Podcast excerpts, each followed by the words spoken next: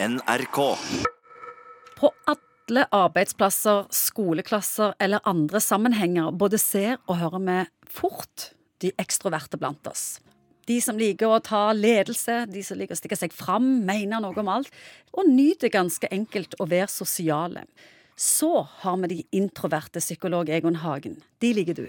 Ja, de liker jeg. for det er jo sånn at Noen ganger så ekstroverte folk de henter jo energi når de er sammen med andre, mens introverte i større grad kan hente energi og lade batteriet når de får lov å være litt i fred og fintenke gjennom ulike problemstillinger. Og Det betyr ikke at de trenger være beskjedne eller noe? Nei, overhodet ikke. Men de trenger kanskje å få en oppfordring noen ganger til liksom seize the moment. Det er grenser for hvor lenge du skal knikke og gnu på disse tankene før du faktisk kommer med dem. Men min erfaring har vært hvis vi får disse introverte til ekstroverte til tida stilt, sånn at de introverte slipper litt til, så er det mye der gullet ligger og glimrer. Ja, du sa det i en tidligere podkast vi lagde, at uh, hvis vi løfter mer opp de introverte, så er det mye å hente der. Der er det, og Du går nesten ikke an å snakke om introverte før vi må kontrastere det i forhold til de ekstroverte. For det er liksom et samspill der. at Ekstroverte tenker jo ofte at alle er sånn som deg, og de må ofte snakke for å tenke. og Hvis du da er introvert og ikke sier noe, så tenker den ekstroverte at du har ikke noe særlig å melde, egentlig. Og Derfor er det sikkert bare helt en strålende idé at jeg bare fortsetter å holde ord og snakke videre og videre. og videre.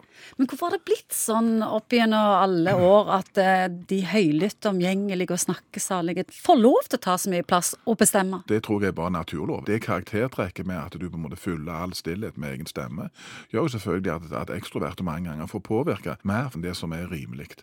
Jeg er jo helt sikker på at når vi får et teknologifisert samfunn mer og mer sånn som vi har, så vil mange av oss måtte være forberedt på å være leder av en introvert. Er. Så, som kommer til å ende opp som din sjef, fordi at verden blir mer og mer, mer teknologisk fokusert.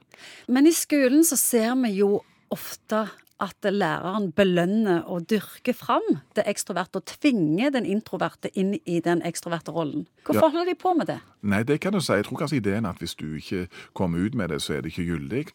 Men, men, det som er viktig å si noe om, at jeg har jobba sammen med introverte sjefer som er fabelaktige i en ekstrovert rolle. En introvert person kan være helt strålende for å snakke i en forsamling.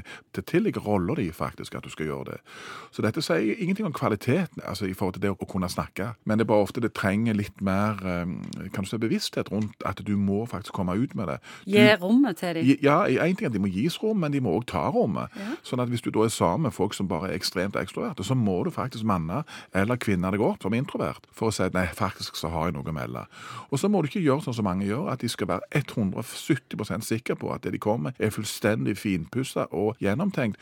Du må liksom jump to conclusions litt, grann, du òg. Ta noen sjanser. No guts, no glory. Sånn er det òg i til disse ekstroversjon- og introversjonsgreiene.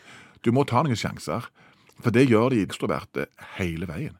De har ikke tenkt gjennom de bare snakker. Så håper de på at de skal greie å runde dette av sånn noenlunde.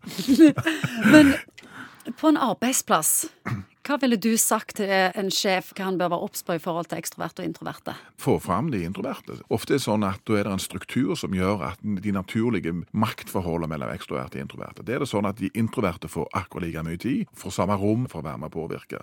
Og det er jo det vi har notert dette mange ganger, at Jesus hvor mye bra det kommer fra de introverte. Bare du legger til rette for at eh, nå skal ikke bare de primitive tyngdekreftene avgjøre hvem som faktisk får være med og styre, men at vi lager en struktur som òg bidrar til å løfte fram folk som i utgangspunktet gjerne ville tidsstilt.